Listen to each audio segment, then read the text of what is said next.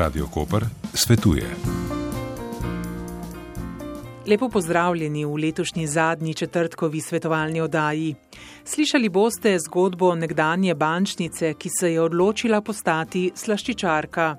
Z nami bo zaposlena v komercijali, ki je po drugi nosečnosti začela šivati izdelke za otroke. Upokojena televizijska novinarka in urednica bo povedala, da se je šele ob koncu poklicne poti začela naključno ukvarjati s fotografijo. Dolgoletna direktorica knjižnice pa se je odločila vsako leto spoznati novo obrt. Začenjamo pa zgodbo poklicne športnice, ki se je našla v oblikovanju gline in slikanju na les.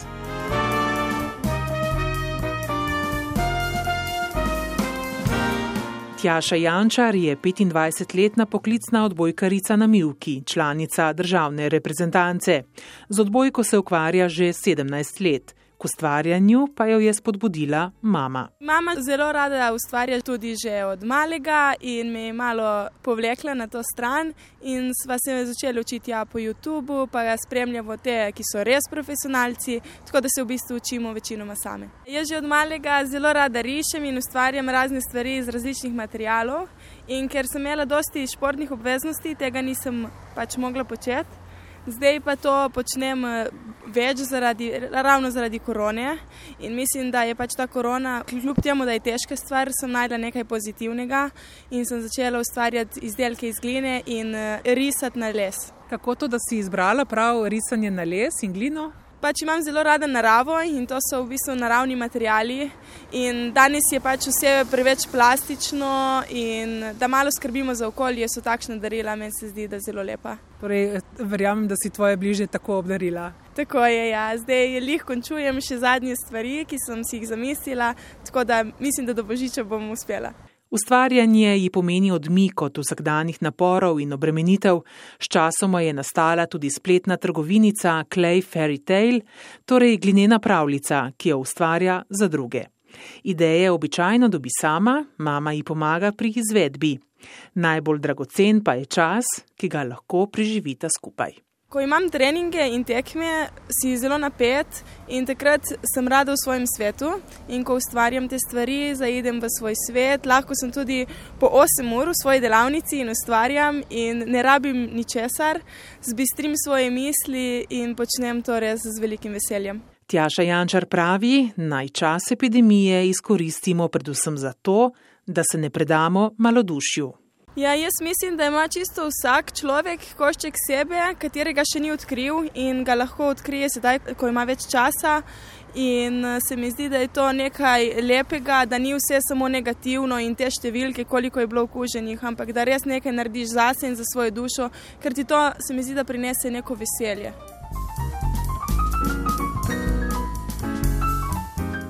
Naša naslednja zgodba prihaja skozi ne. Tam svojo novo dejavnost razvija Barbara Kogovšek. 15 let je delala na eni od koperskih bank, potem so se začela odpuščanja, selitve zaposlenih v prestolnico. Breme, ki ga je čutila, je bilo z vsakim dnem težje. Opazila je, da ji zmanjkujejo moči. Pogosto je bila potrta. In sem počasi ugotavljala, da to delo nekako za me ni, da me ne izpopolnjuje, da pridem domov in nisem realizirana potem so bili večji pritiski, takšni in drugačni, katerih sem težko sprejemala, ker so se kopičili in so vplivali tako na moje službeno življenje, privat življenje in uh, nekaj sem začela študirati, kaj čem jaz narediti, da bi bilo vse skupaj boljše, tako za me kot za mojo družino. In uh, že dve časa sva z možem uh, razmišljala, v katero smer bi šla, kaj bi lahko delala, določene znanje imava skupna. In uh, v bistvu peka sladic je bila od petih variant, ki sva jih se jih pogovarjala, da bi nekaj počela, je bila ta zadnja na vrsti. Vse druge so bile prej kot ta. Uh, sam nisva nikoli imela tiste, ma ne zagona, ne vem, ko bi se temu reklo, tiste korajže mogoče, da, da se nečesa lotimo. Zmeraj je bil en strah pred nečim novim, strah, da mogoče ne bi zmogla, strah, da finančni strah, neka stabilnost, ki smo jo prej imeli, se človek boji, da bi naredil korak naprej. Ne? Potem se je v službi zgodila tista klasična kapljica čez rob. Odločila se je za odhod, prepričana, da, kot je povedala, naredi nekaj iz svojega življenja. Prve dva meseca sem se v bistvu odpočila. Po dveh mesecih se kazalo, da je zadosti in zdaj pa moram nekaj začeti delati, ker nisem, nisem vajena gledati v luft in čakati, da me vsi drugi podprejo, konc koncev tudi finančno. Ne? Potem sem rekla, kaj znam delati, kaj me veseli delati. In uh, v bistvu veselijo me odvedno peka sladic, naj si bo tort, piškotov in drugih sladic in fotografija. In zdaj, kako to dvoje združiti.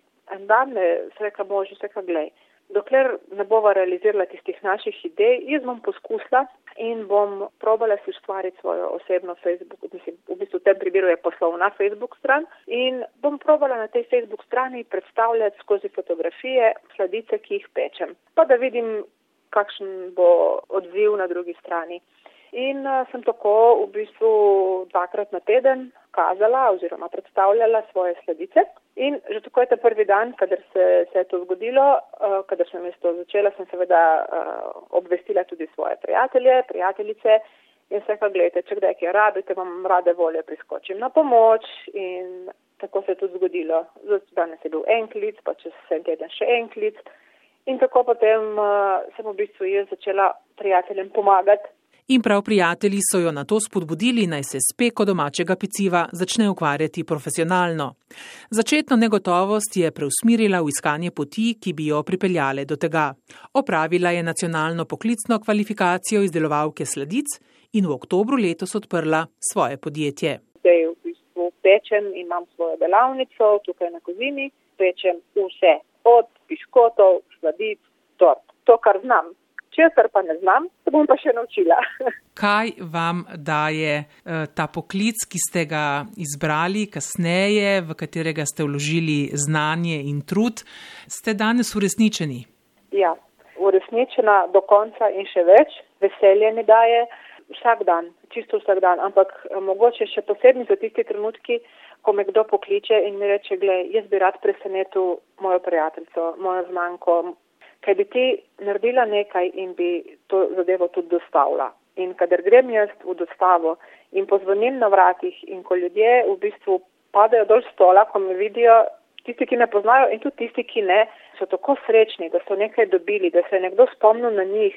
In ko jaz vidim, da sem del tega, da sem nekoga osrečila, meni je to največje plačilo, ki ga lahko dobim uh, skozi dan oziroma skozi vso moje delo, ki ga, ki ga naredim res zvečer sem utrujena, ker je čisto drugačno delo, sem bolj fizično utrujena kot prej, prej sem bila bolj psihično, zdaj sem bolj uh, fizično, ampak bom rekla, sem srečno utrujena. In tako Barbara Kogovšek svetuje. Bodite pogumni in verjemite vase. Tisti pregovor pravi, zaprejo se vrata, odprejo se druga, dejansko je tako. In tudi, če se zaprejo tri vrata, so še četrta, ki se bodo odprla. Nikoli ne obupati. Tudi v tej poti, dokler sem ustvarila svoje podjetje, je prišel trenutek, ko in zaradi določenih uh, stvari, ki sem jih mogla narediti, ki jih nisem poznala, sem rekla, joj, se iz tega ne bom zmogla. Ne? In pol sem rekla, zakaj ne? Če si prišla do sem, greš lahko še naprej. Če ne boš poskusila, ne boš vedela, če lahko. In to danes, ko sem v bistvu sem komaj začela delati in ne vem, kaj bo jutri sem mogla malo počakati, ampak dejansko prej ali slej, če je volja, človek pride do, do svojega zastavljenega cilja.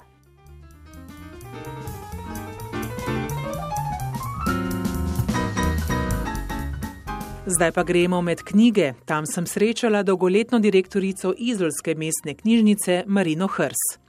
Odločila se je, da bo vsako leto osvojila novo obrt.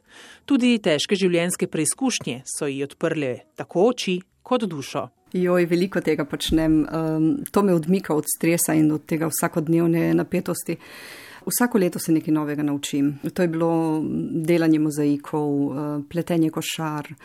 Eh, nabiranje zelišč, eh, kaligrafija. Leto sem eh, destilirala, fotografija me izjemno privlači in to vse nekako združim potem lahko v ta potopisna predavanja, ki jih pripravim za dom upokojencev in vsako to ustvarjalno delo človeka pa polnoma napolni. Že 30 let imam odgovorno delo, pa še ženska sem, je izpostavila Marina Hrs. Tako da eh, sem morala vedno združevati skratka vse poklicno delo, službene eh, zadeve in potem seveda vse, kar je doma. Ker sem sama po naravi že ustvarjalen človek, seveda tudi delam veliko na sebi ne?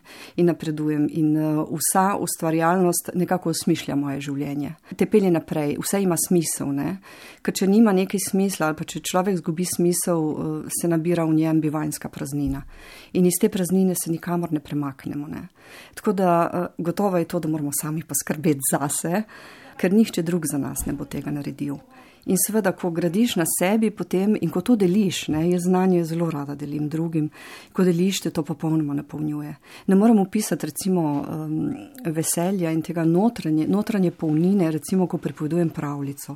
In takrat čutiš, čutiš odziv uh, poslušalcev, ki te poslušajo in ko je popolna tišina, to je taka izmenjava energiji, da je neopisljiva. V knjižnici so vsebine, ki podarijo znanje, brezplačne. Naložbo tako merimo zgolj v času, ki ga želimo temu nameniti. V knjižnici je vse popolnoma zastonj. Se pravi, tudi eh, udeleženci, ki se udeležijo delavnic, dobijo tudi materijale zastonj, brezplačno. Sami jih ne plačajo in to spodbujamo. In zato tudi tukaj je res knjižnica izjemen prostor tega uh, ustvarjalnega navdiha.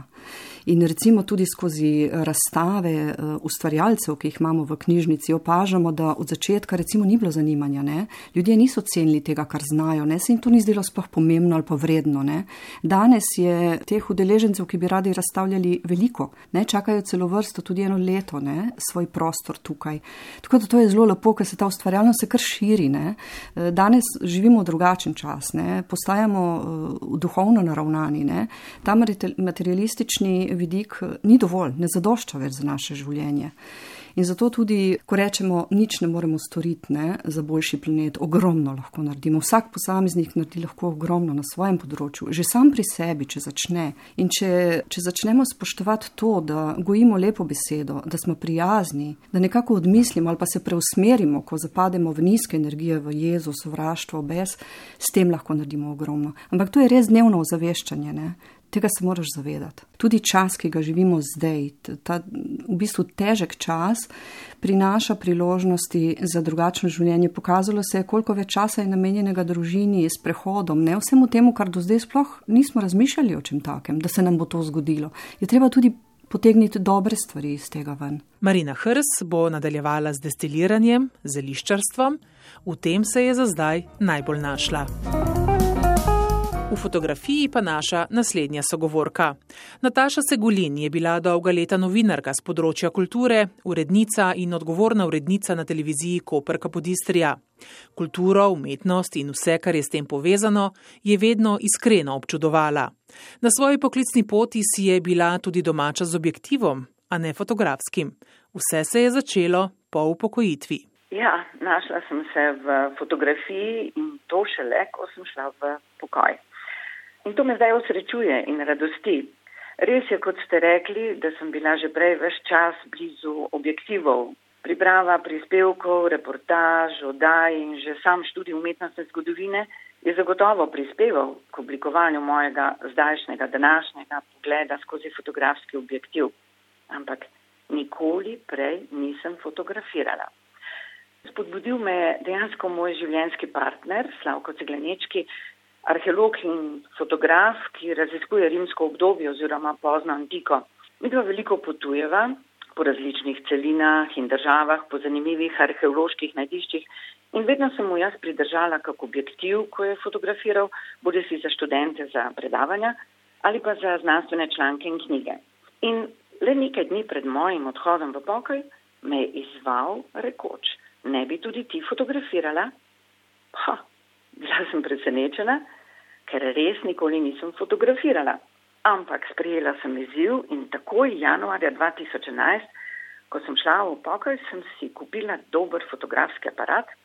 On me je naučil uporabe in takoj so odpotovala v Turčijo. Prav tam se je zgodil prelomni trenutek, ko se je zavedla, da bo po novem njeno mesto za objektivom in ne pred njim. Ko so se vračala z nekega arheološkega nadišča, sem v morju ob obali zagledala stari, polomljen, prevrnjen čovn. Prekrasno. Pogledala sem skozi objektiv, dobesedno prevzelo me je. Bili so prekrasni občutki. Okoli nas je bilo gradbišče z delavci, kamioni, stroji, silno, veliko hrušča, kaos, ampak skozi objektiv, ko sem pogledala ta motiv, sem slišala tihoto, ki nekaj več od tišine, je zvok tišine v neskončnosti vesolja. In začutila sem izjemen notranji mir in takrat sem si rekla, wow, to je to, kar hočem delati. In res, fotografiranje je zame neko posebno čutenje, nekakšna meditacija. Moje fotografije so minimalistične, intimne izpovedi. In pač lepo mi je, ko fotografiram. Fotografija je zapolnila življenje, pravi. Ta izjemna čutenja, ujeta nekoč v fotografski film, danes na elektronsko spominsko kartico fotoaparata, pa deli tudi z drugimi. Zadnjih sedem let sodeluje na številnih razstavah doma in v tujini. Ja, zelo sem vesela, da se moje fotografije dotaknejo ljudi. Ne? Razstave in povabila prihajajo vedno spontano. Sveda je pa treba uh, fotografijo tudi obdelati. Ne? In to včasih so počeli v temnicah in to vzame tudi nekaj časa. Danes to naredimo na računalnikih. Tudi zelo rada obiskujem razstave, galerije, ne samo fotografske. Skratka, ljubim umetnost in nimi dolg čas. Žal je veliko ljudi res brez volje, prepuščajo se malodušju, kar mnogokrat vodi tudi v depresijo. Ampak kot pravijo, kjer je volja, je pa tudi pot. Le malo je potrebno, da nahranite dušo, kot ste rekli. Lahko je to kot pri meni, recimo fotografiranje, lahko je slikanje, kvačkanje, vrtnarjenje, lahko je branje, pisanje, torej nešteto možnosti je, le vzeti si jih je treba. Nikoli ni prepozno. Toliko lepega nas obdaja, zato kar pogumno vstopite v svet ustvarjalnosti na katerem koli področju in ta vam bo zagotovo nahranil dušo in srce.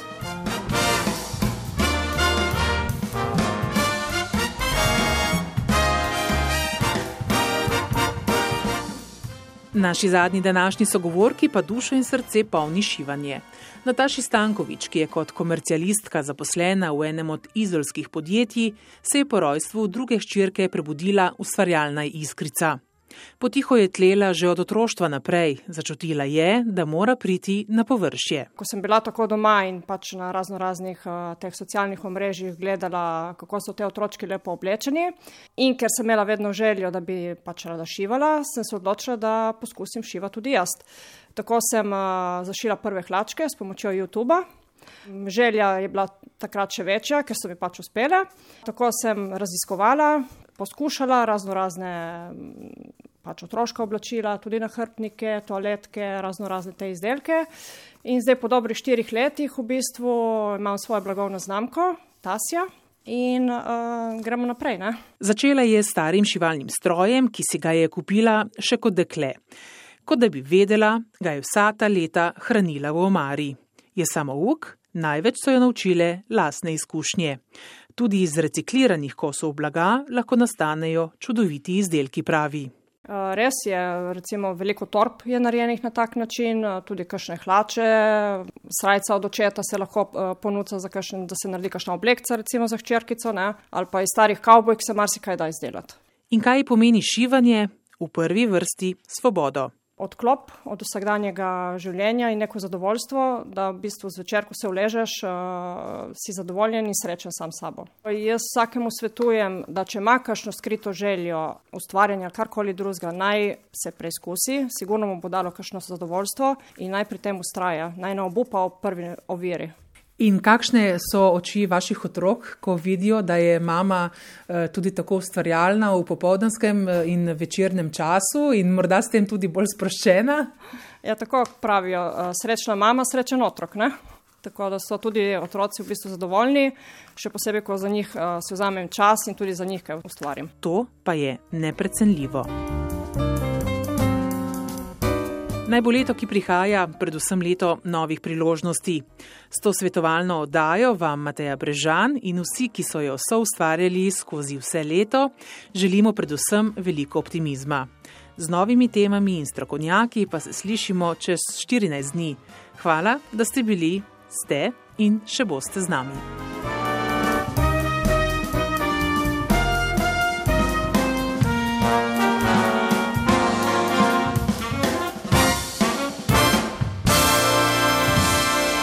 Koper svetuje.